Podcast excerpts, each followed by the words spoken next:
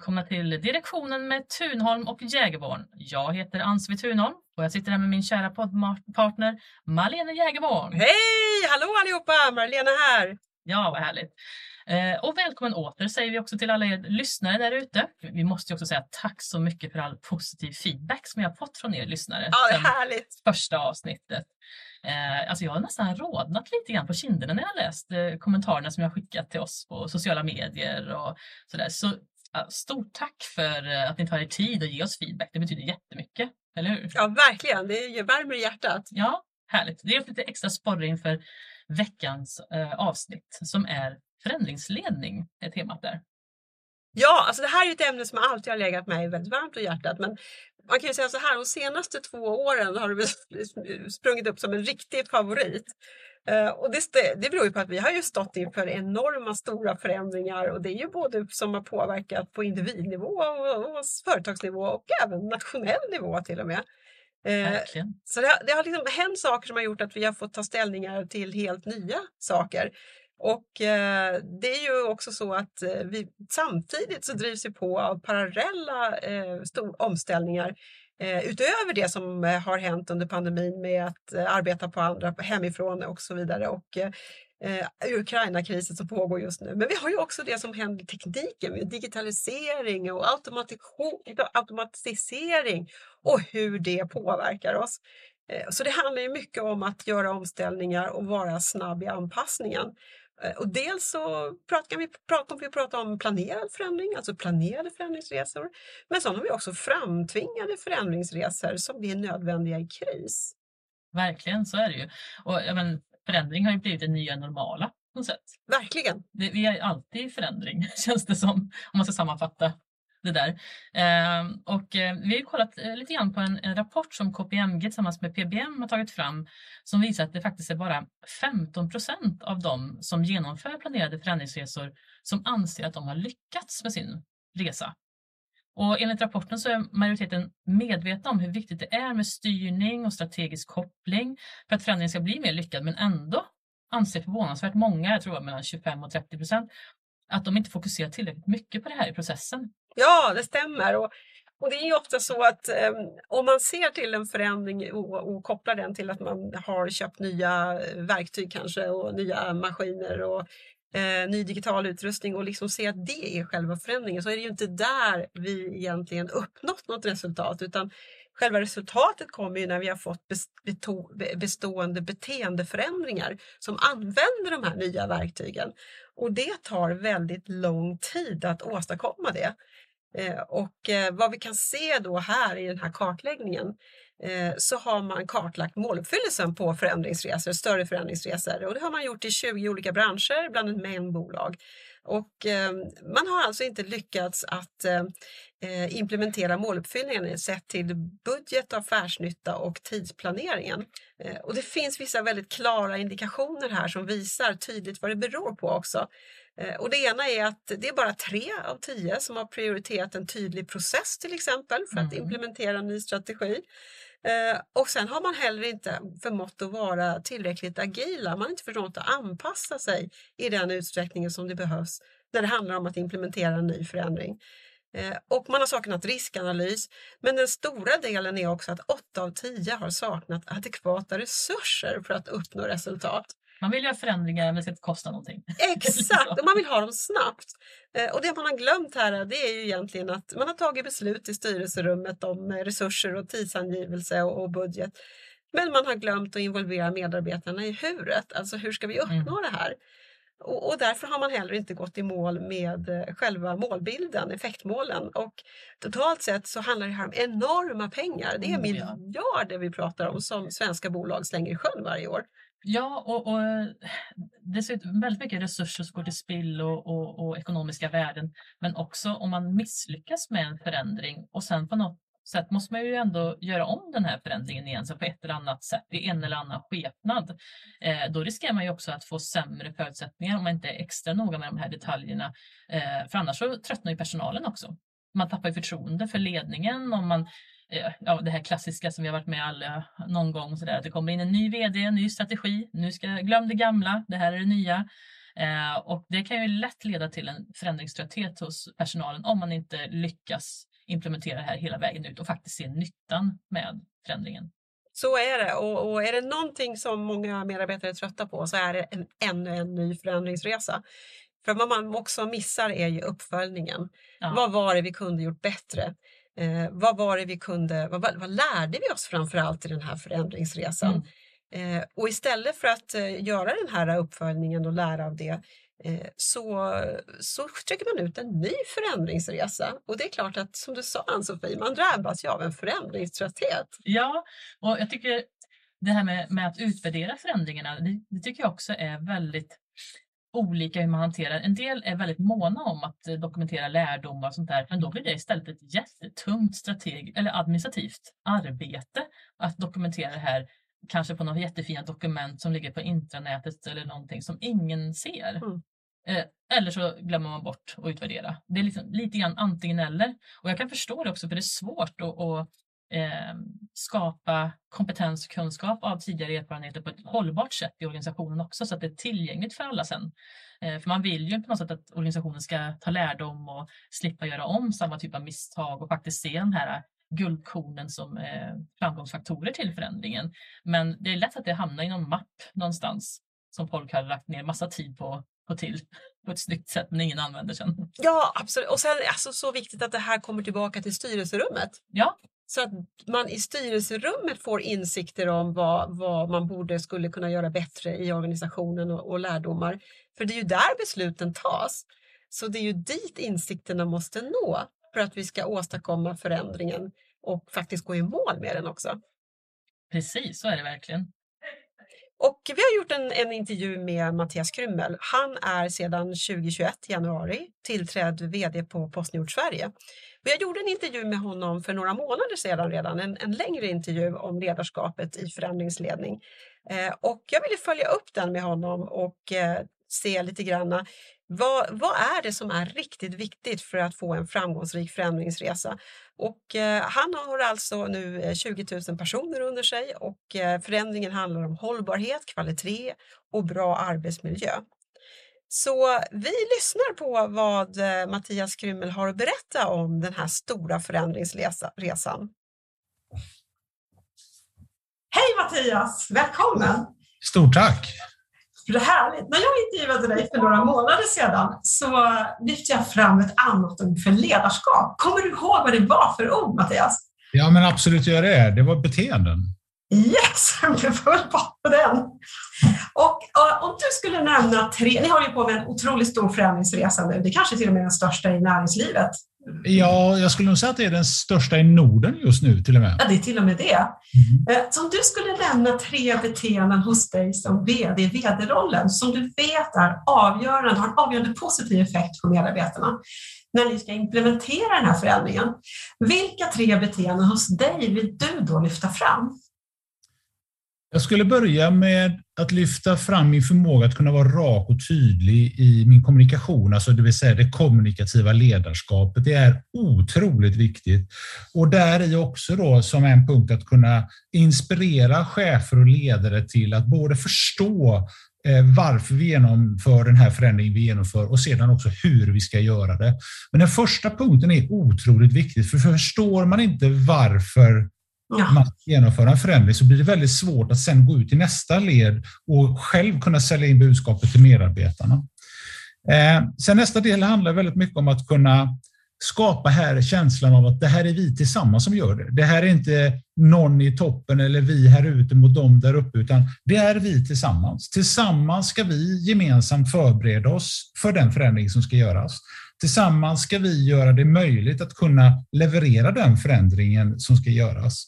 Eh, och sen sist men absolut inte minst, det är tillsammans vi levererar eh, förändringen också. Då. Och den sista punkten som är för mig otroligt viktigt, är att så länge vi jobbar med människor så ibland blir det fel. Och vi behöver vara en lärande organisation. Och som en, det jag menar med det, det är att det är okej att göra fel. Det viktiga är att vi snabbt identifierar vad var det som hände? Varför blev det fel? Och vad lär vi oss av det här? Och sedan, hur sprider vi det här vidare? Så att när nästa gäng går live med förändringen, att de inte behöver göra om samma misstag. Mm. Och du är inne egentligen på den sista pusselbiten, det är att inte genomföra förändringen överallt samtidigt. Därför då ja. har du väldigt lite marginal att faktiskt kunna kurskorrigera, ändra någonting. Så när vi nu gick live med varannandagsutdelningen och bara för att lyssnarna här ska förstå, vi har gjort det i två år. Då började vi med en pilot i Lund och när vi hade utvärderat piloten och dratt ett antal konklusioner och gjort ett antal förändringar, då rullade vi ut det i hela region syd som är Skåne och delar av Blekinge och Halland. Och sedan så gick vi vidare region för region under då nästan två år, inte dess att vi nu då den 2 maj i år har rullat ut det sista. Och det som är roligt om vi tittar nu på effekten kring exempelvis denna förändring, det är att nu har vi lyckats genomföra den största förändringen någonsin i Postnords och Postens historia i hur vi delar ut brev och paket. Och samtidigt har vi höjt kvaliteten eh, och levererar nu ett bättre leverans gentemot våra mottagare och våra kunder än vad vi någonsin tidigare har gjort. Tack vare att vi har identifierat ett antal saker under resans väg som var plan to fail. Fantastiskt att du delar med det här. För det här, ja. det här är något som vi alltså vanliga människor märker effekten av också givetvis. Eh, och eh, det är ju många steg framåt. Men jag är otroligt tacksam att du delar med dig det här också, att göra det små, att börja och liksom stämma av och mäta av i, i det också. Eh, och om du själv skulle lyfta fram några egna beteenden som du märker hjälper, vad skulle du liksom lyfta fram då? Nej, men för min del så handlar det om att säg vad du ska göra och sedan gör det du säger. Vi måste vara föregångskvinnor och föregångsmän i allt det vi gör. Det blir jättesvårt om jag sänder ett budskap, spring till vänster och så går jag till höger. då ser ju alla andra liksom att, men vänta lite nu, varför gör inte han som han säger? Och då agerar vi egentligen som våra barn gör gentemot oss som föräldrar. Så det är en extremt viktig del i det. Nästa sak är ta ägarskap ta ägarskap över den förändringen som ska ske. Eh, för jag märker själv hur lätt det är ibland eh, att man liksom, shit, ja, men det här stödjer jag inte riktigt, jag tror inte på det, att man börjar peka på någon annan. Och jag brukar säga det internt i organisationen, någon och man finns inte. Det är jag och det är vi och det är ingen annan som kommer och hjälper oss att göra den här förändringen. Och gör inte jag eller vi det vi ska göra, då blir det inte gjort. Ja men gud så fint du som gör det här. Alltså, det är så många nu som står inför större förändringsresor också. Och just vikten som du pekar på här Mattias, att själv gå i bräschen och göra det du säger. Det är så viktigt det är. Och sen skulle jag egentligen bara vilja avsluta med hur otroligt viktigt det är att man som ytterst ansvarig är synlig i den verksamheten man ska göra förändringen i. Ja. Eh, just därför att då kan du förstärka eh, det operativa ledarskapet, de närmsta cheferna, första linjens chef. Du kan svara på frågor eh, från medarbetarna. Du visar också tydligt, jag duckar inte för tuffa problem eller utmaningar, utan jag liksom möter det. Jag kanske inte kan svara på allting, men det är ingen som kräver att jag ska kunna svara på allting där och då. Och då kan man komma tillbaka. Så att liksom visa närvaro, det är också en sista pusselbit som är otroligt viktig när man väl sen genomför det. Ja, härligt Mattias. Tack för den här visdomen som du delar med dig. Och jag önskar dig och alla medarbetare all, all lycka och skrev i detta arbete. Och stort tack för att du var med. Tack ska du ha.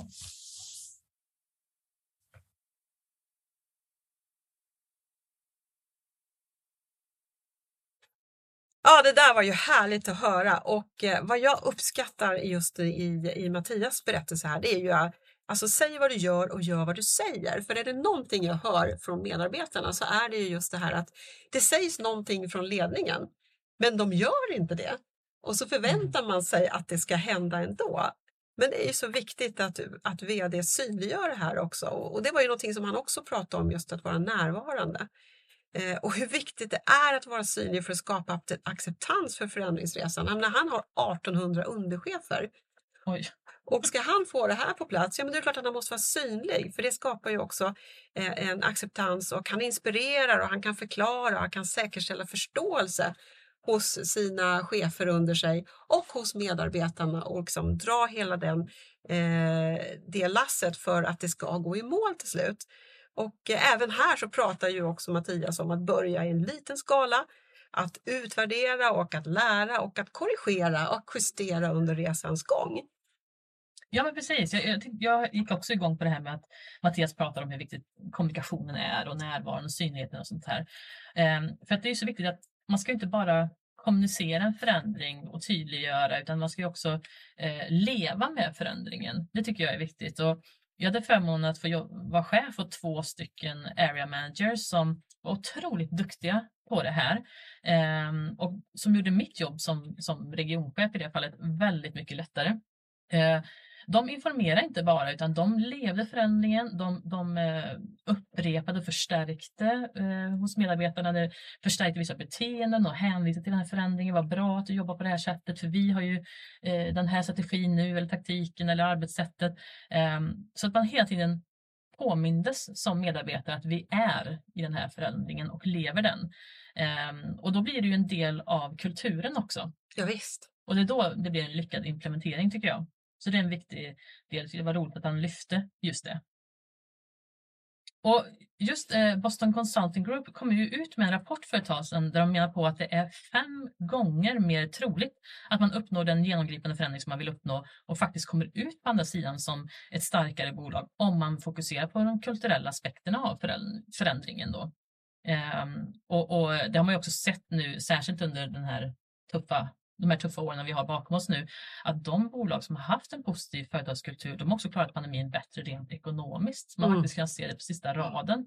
Eh, och det, det är väl inte så många gånger i modern tid som vi har kunnat se det här så övergripande att kulturen är otroligt viktig för att organisationen ska kunna ställa om, vara flexibla och att få med sig medarbetarna på den här förändringen.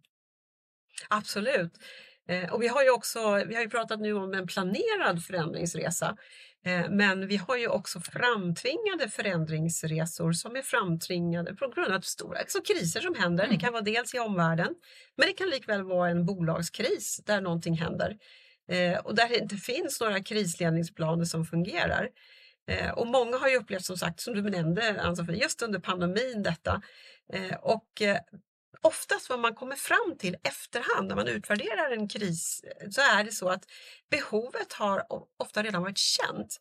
Men man har inte förmått att faktiskt göra en planerad förändringsresa Nej. av det. Utan det visar sig när man tvingas in i att göra förändringarna så kan man faktiskt landa i nya affärsmöjligheter och i en starkare affärsidé. För att egentligen borde man redan ha gjort dessa mm. förändringar. Vad tror du att det beror på? Att det är så? Att man inte har tagit tag i de här sakerna tidigare? Vi, vi, är ju ofta vanestyrda mm. och eh, det som fungerar nu tänker man det fungerar också sen. Ja, det är lätt att hamna där. Ja, men det är väldigt lätt att hamna där och här gäller det ju att vara väldigt proaktiv, att utmana sig själv, att det finns någon som ställer de här utmanande frågorna. Så att man faktiskt eh, rustar sig framåt och tittar, vad är egentligen relevant i en framtid? Och den kommer fortare än vi tror nu för tiden. Mm. Och det är ju ofta så när vi går in i krislägen att det finns liksom inte de gamla sanningarna, de är inte riktigt valida längre. Eh, och eh, här gäller det ju att vi börjar tänka på helt nya sätt och det ställer ju enormt stor, eh, stora krav på chefer och eh, även på styrelsen och till och med på ägarna i det här läget. Eh, och oftast kan det handla om bara en sån viktig sak som att man är väldigt transparent. Vi är i kris. Därför att det hjälper också medarbetarna att tänka på lös mer lösningsfokuserat. Att man faktiskt går in alla på bollen att försöka hitta de här nya affärsmöjligheterna ur krisen som ska leda bolaget framåt. Och visst kan det vara så att kärnidén är bra, men man kan behöva faktiskt justera affärsidén. Och man kan behöva hel justera hela affärsmodellen mm. eller en del av affärsportföljen. Och framförallt så behöver man sannolikt också justera organisationen. Men som sagt, det är sällan så att det här behovet inte redan egentligen fanns från början Nej. Om man, om man är lite ärlig mot sig själv så, så har det funnits där och legat och lurat och pyrt. Exakt. Eh, och jag har ett bra citat här som jag skulle vilja läsa upp just när det gäller då eh, en krishantering och det här kommer ifrån flyget och som ni säkert precis som jag är eh, införstådda med så har man ju där en viss framförhållning kring riktigt akuta situationer. Mm. Eh, så här är citatet. Om det inträffar något som inte får hända, en olycka eller en terrorattack, så finns det en tydlig krisorganisation som kickar igång. Det finns en manual som man följer, men den är utformad för en specifik händelse. Det som händer nu, en pandemi, när människor förbjöds att resa och det är osäkert hur länge det kommer att pågå. Det scenariot hade vi faktiskt ingen krisplan för. Rickard Gustafsson, VD SAS augusti 2020. Och det är precis det här som är symptomatiskt för en disruptiv kris. Mm. Man hade inte kunnat föreställa sig vad som skulle hända och därför har man inte egentligen någon riktig krisledningsplan i det läget heller. Nej, precis. Och det är väl det som är nackdelen när man eh, har en krismanual som är inriktad på en specifik kris, en specifik, specifik händelse eller så. Ehm, och jag, jag tycker att man ofta lär sig mest kring gruppdynamik och ledarskap genom att iaktta liksom dåliga ledare. Men jag måste säga att när det kommer till riktiga kriser som det här handlar om, då är det väldigt lärorikt att se och iaktta duktiga krisledare. Mm, absolut. För jag har haft eh, förmånen också att få jobba med, tillsammans med personer som har varit riktigt duktiga på krisledning. Eh, bland annat under min tid på Åhléns. De är väldigt duktiga eh, där eh, och jag har sugit åt mig som en svamp från dem när det har varit bombhot, IT-kriser eller upplopp utanför varuhusen eller något sånt där. Och, eller mediakriser kan det också vara.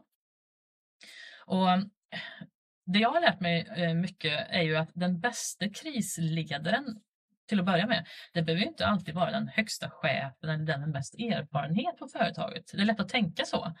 Ehm, jag har fått lära mig att det är dagsformen också som är avgörande. Och för det är ju så här att kriser är ju enormt påfrestande och man vet ju aldrig riktigt hur länge de ska hålla på heller.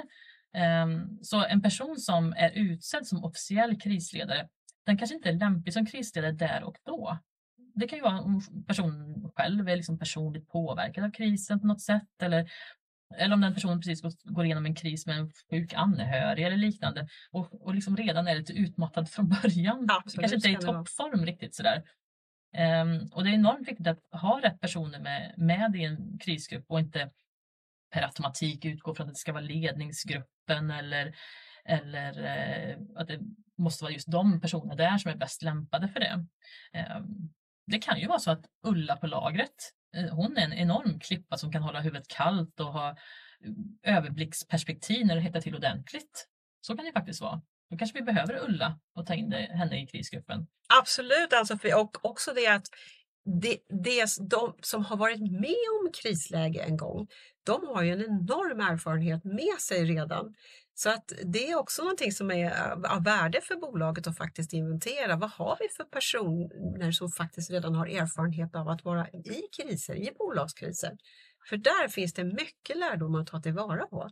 Ja men verkligen och det vet man ju själv också. Eh, ju mer kris man har varit med i desto lugnare och tryggare blir man ju faktiskt när det väl händer någonting. I alla fall om jag pratar för egen del. Och, eh, så det, det, det är ju, jag brukar säga så här att man ska omfamna kriserna för att det är det är då man verkligen prövas som ledare, det är då man får skärpa till sig, det är då det är match om man säger så. Då möter man det kalla stålet. Och... Exakt.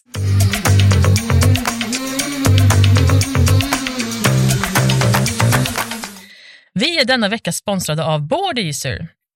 Boardeaser är ju en säker molntjänst med styrelseportal, rapportering och governance i en och samma plattform och som används av tusentals organisationer från den lilla startupen till stora koncerner.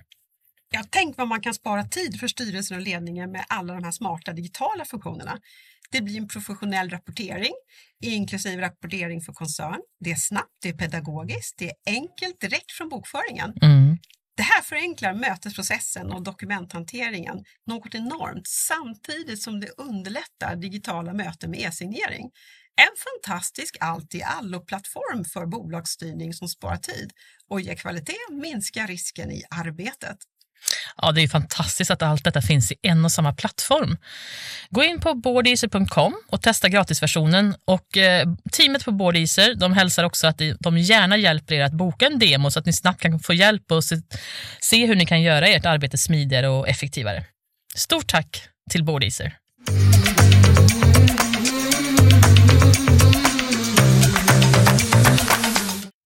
Ja, Ann-Sofie, alltså jag var ju med verkligen om en, om en företagskris, en, jag skulle kalla för en disruptiv företagskris när absolut inga krisplaner gällde längre. Eh, och det påminner väldigt mycket om vad många har gått igenom i pandemin nu, alltså man tappar en större del av sin, sin försäljning. Mm. Eh, och i mitt fall så var det 60 procent. Ja, så det, det slår ju kan man säga rätt hårt. Och, det känns. Ja, det känns och det tar väldigt lång tid att återställa detta. Och under den tiden så tappar ju bolaget likviditet och banken knackar ju på och vill inte längre att man ska ha kvar checkkrediten när man behöver den som allra mest. Aj, aj, aj. Leverantörerna börjar ju vilja ha förskottsbetalning eh, och eh, samtidigt då som eh, orsaken till att jag tappade de här huvud, den här huvudleverantören då var ju att de ville starta en egen verksamhet och då försökte de ju också att plocka över personalen, de, de viktigaste givetvis, för att det var de bästa på marknaden. Eh, och jag vet det säkert därför att eh, vi kunde ligga 20% över konkurrenterna i priser. Mm. Och det är ju för att kunderna uppskattar det som vi levererar, vilket var väldigt hög kunskap. Eh, och jag hade lärt mig av min far eh, det som vi idag kallar för ehm, autonomt ledarskap, det vill säga att vi delegerar besluten nära kunden. Mm. Och det var det ledarskapet vi tillämpade och det resulterade i att vi fick ett strategiskt samarbete egentligen med alla kunderna. Eh, och det här stora, ja, stora mm. industrikunder mm. där vi implementerade teknik för kvalitetskontroll och forskning och produktutveckling. Eh, vilket också involverar mycket kunskap hos personalen för att det här ska fungera sen. Eh, och då blir de beroende av att vi kan jobba nära och tillföra beslut också i den här processen för, för kunderna. Ja, då har ju det verkligen påverkat på flera olika plan för kunderna när ni hamnade i kris. Då, kan jag Absolut, och det som hände var som, eh, som jag märkte effekten av hur viktigt det är att faktiskt ha eh, den här typen av lojalitet. Det är ju att jag tänkte ju då att men då går väl alla kunderna till konkurrenterna nu när inte vi längre kan tillhandahålla de här produkterna. Och det gjorde de inte. Då pratar vi om stora tillverkningsindustrier, vi pratar om universitet och högskolor. De gick inte till konkurrenterna utan de väntade. De höll i sina investeringsplaner. Wow. Ja, och väntade och se vad kommer vi med? Och det tog ungefär ett år för oss att bygga upp det här produktportföljen igen med nya leverantörer. Eh, och en del i detta var ju att dels att hitta nya leverantörer, att föra också en transparent eh, kommunikation med, med befintliga leverantörer så att de faktiskt ställde upp eh, och inte krävde förskottsbetalning mm. utan att de var liksom med på tåget och, och liksom att det också var transparent för medarbetarna vilket också gjorde att de var med på tåget givetvis det måste krävas otroligt mycket av dig som ledare i en sån kris att försöka eh, förmedla den tilliten och skapa den tilliten både hos leverantörer och kunder och hos naturligtvis medarbetarna som märker att oj, nu blåser det hårt här. Ja, Hur ska vi lösa det här? Hur ska hon lösa det här? Ja, nej men alltså, precis Ann-Sofie, så var det. För att jag vet till exempel att eh, alltså, i, ibland så visste jag ju inte om jag skulle kunna klara lönerna till exempel den 25. Eh, och därför var det så otroligt viktigt att ha den här transparensen. Eh, för jag resonerade som så att eh, är det så att man vill under de här omständigheterna ändå vara kvar så ska man ha beslutsunderlag som är eh, helt eh, transparent. Alltså man ska, man ska veta vad som gäller, man ska veta mm. vad jag håller på med, vad jag gör för att lösa situationen och de ska också vara delaktiga i att lösa situationen. Mm. Eh, och det gjorde ju också att det fanns en hög lojalitet hos medarbetarna förutom hos kunderna. Och de här faktorerna tillsammans var det som faktiskt gjorde att vi kunde lösa eh, den här krisen genom att fast bolaget vid det laget var egentligen bara stora skulder. Mm. Eh, för man har ju ändå hyra att betala och man har andras, även om man får hjälp av leverantören så det är andra saker som ska betalas. Oh ja. Eh, och ehm, eh, jag kan så väl känna, känna igen mig i Jan Karlssons ord som är att ett bolag har bara två typer av tillgångar, nöjda kunder och nöjda medarbetare. Ja, det är ju verkligen sant och särskilt i det här fallet blev det ju enormt tydligt. Ja, det blev så tydligt att eh, eh och jag vet till exempel när eh, PVC, det jag sålde, jag fick vara tvungen att sälja först ett dotterbolag i Finland för att klara likviditeten. Mm. Eh, och PVC som var våran, eh, våran revisor då frågade, men hur, hur kunde du få så här mycket pengar i ett dotterbolag som bara var skulder? Ja, men jag sa, jag, gjorde, jag sålde ju våra tillgångar, det vill säga jag sålde våra medarbetares kompetens och kundernas lojalitet. Och det värderades väldigt högt utav köparen. Otroligt. Och, och, det för mig är ju ett kvitto på vad det verkligen innebär att involvera medarbetarna i beslutsgången i bolaget mm. eh, så att de faktiskt blir den här tillgången som inte syns i, i balansräkningen. Nej, för till syvende och sist så är det ju människor som ska göra det här. Man kan Absolut. ha tillgångar på många olika sätt, men om, om människorna inte klarar av att leverera och att organisationen inte är sund och, och väl rustad, då, då är det ju mycket, mycket svårare. Det här var ju ett extremt bra exempel måste jag säga på att eh, lyckas sälja in den eh, kompetensen som ett riktigt värde, för det är ju ett värde. Det är ett enormt värde och jag kan verkligen i blod intyga vilket värde det är skulle jag vilja säga. Men jag vill också säga, för nu låter det som att det här var en väldigt lätt resa när jag sitter och pratar om så här efteråt och det var det verkligen inte. Eh, det fanns många mörka stunder. Mm. Eh, det fanns stunder där jag hade svårt att svänga upp uppfarten till kontoret och där jag faktiskt inte gjorde det heller. Utan jag valde att eh, köra bilen vidare och började fundera på vad det fanns för bergväggar på vägen. Oj. Då... Ja, och det är så svårt när man står ensam ansvarig i det här läget att man faktiskt tänker att om jag tar bort mig själv ur bilden så försvinner krisen. Men det gör den ju inte och Nej, eh, gör inte. lyckligtvis så fick jag andra tankar på, på vägen. De, jag tror det var vid två tillfällen som det hände som jag faktiskt vände om och åkte tillbaka till kontoret igen. Eh, för jag förstod ändå att det är ju mitt ansvar att lösa det här och ta oss ur detta och eh, det gick ju vägen till slut. Ja, men du tar upp många bra delar där och, och ganska, det är ju tufft att vara ansvarig när man sitter där med kniven eh, mot strupen och eh, måste hitta en lösning och det är många som påverkas, man har ansvar för många människor Mm. och eh, fint också att du delar med dig av en väldigt tuff period Mm. i ditt liv. Det var det, Eh, det ja. var det verkligen. Och och jag tror att det är viktigt också att man vågar erkänna för sig själv att de här känslorna kan dyka upp. Det kan, det kan bli ett stort mörker som kommer fram som man inte trodde riktigt att man hade inom sig. Men det är väldigt viktigt att man övervinner det och att man också tar hjälp. Eh, framförallt eh, också när, när eh, en kris är avklarad så att säga så är det också väldigt viktigt med krisbearbetning och att man tar professionell hjälp. Eh, det tror jag är många som eh, slarvar lite grann med tror jag. För att man tänker att ja, men nu är det över, det gick bra allting förhoppningsvis och eh, vi har tagit lärdomar av det här och så går man vidare i livet. Men det kan finnas väldigt mycket där bakom som ligger och, och puttrar som kan vara viktigt att ta fram och, och bearbeta. Ja, här får jag verkligen ta åt mig av dina ord, Ann-Sofie, för att jag tog inte in i det läget professionell hjälp för mig själv efteråt. Eh, Men jag har fått ägna mycket tid åt att bearbeta det Mm. vid senare tid. Eh, Och eh, det tog ganska lång tid att, att ens landa i vad som hade hänt. Eh, Och att idag så ser jag det här som en väldigt positiv lärdom. Eh, och eh, näst, nästan tacksam, nästan, Ja. inte, inte riktigt, men nästan tacksam ändå för, för vad det faktiskt gav i slutändan. Eh, men jag håller verkligen med om att i det här läget, om man har möjlighet, eller väldigt snart efter när man har landat, att faktiskt ta hjälp och få prata om det här. För att det är ingenting som försvinner bara för att krisen är över. Nej, men precis, verkligen inte.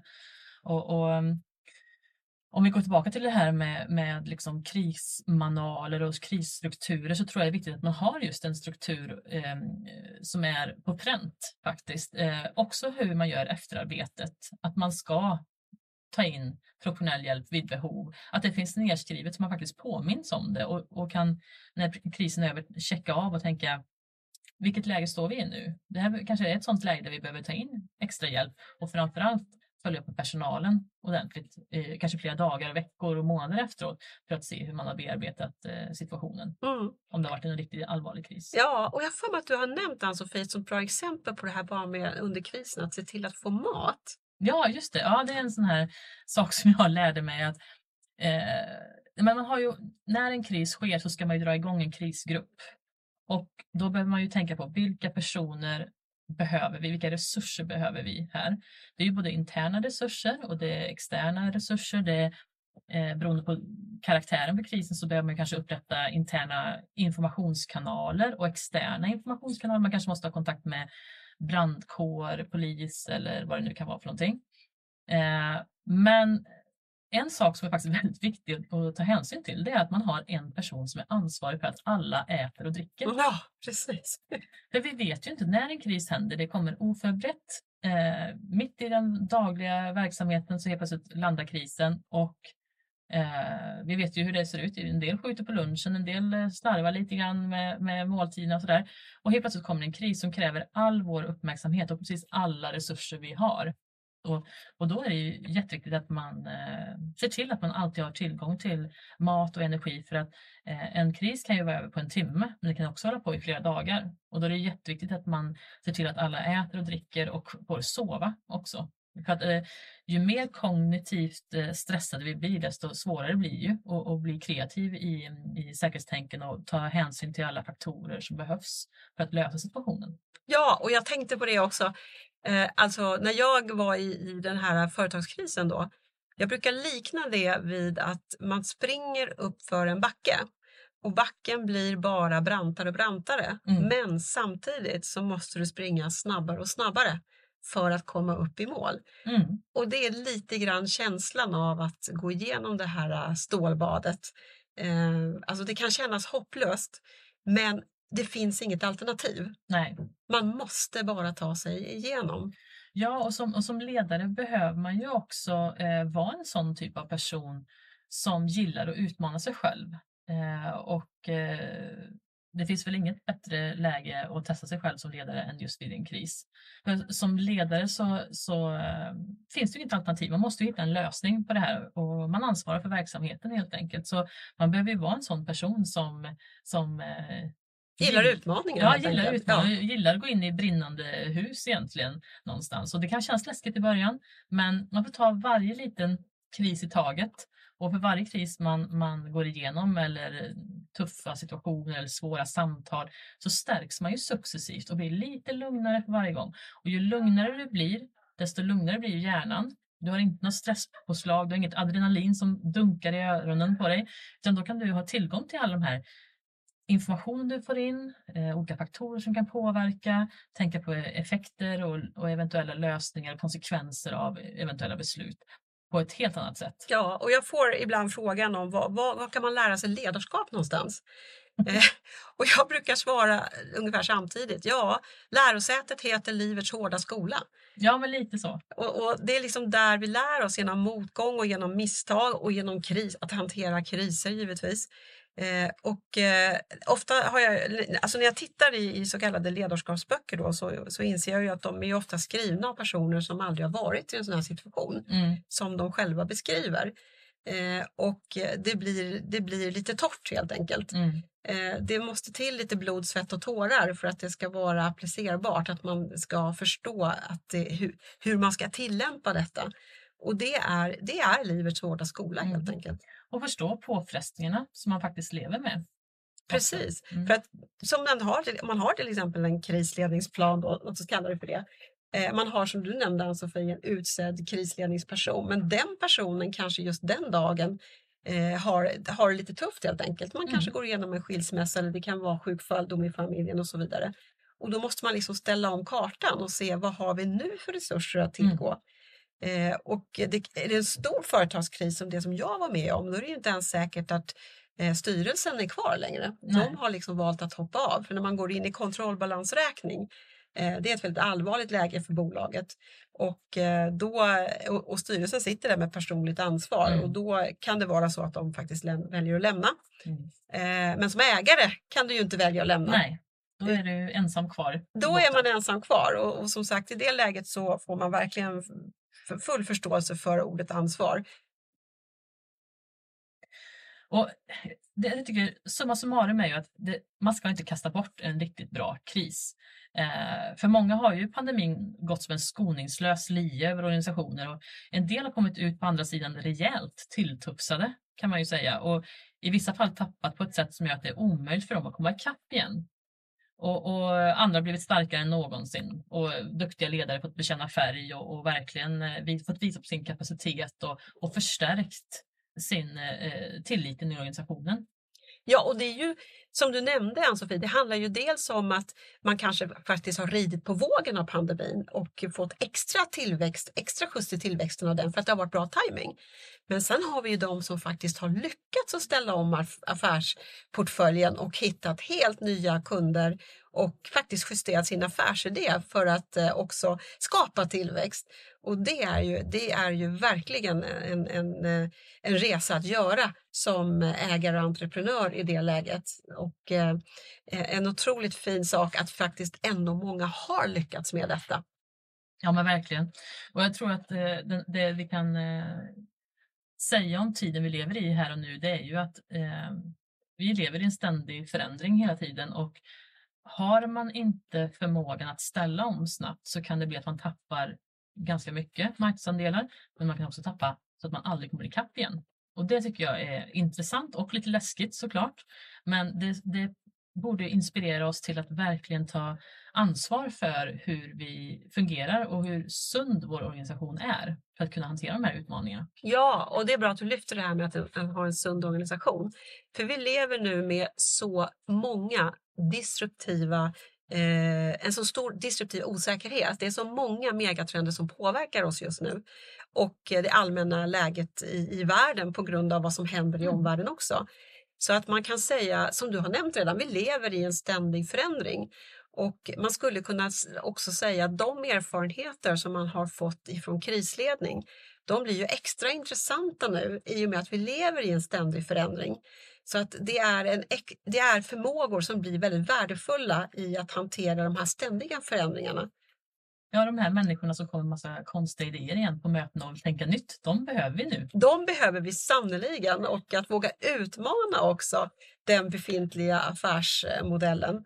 Eh, det behöver vi sannoliken nu för att eh, faktiskt vara bättre rustade inför snabba förändringar och snabba justeringar. Verkligen. Stort tack för att ni var med oss i det här avsnittet om hur verkligheten kan te sig i förändringsledning. Jag och Ann-Sofie, vi kan knappt bärga oss till nästa avsnitt. Nej, verkligen inte. Det, det ska bli riktigt spännande ännu nästa gång. Eh, ni kan ju också kontakta oss, det kan vi berätta också. Absolut. Eh, självklart kan ni ju kontakta oss på sociala medier och sådär såklart. Och vi kommer också att göra medskick eh, där vi lägger de eh, länkar vi har pratat om den här gången.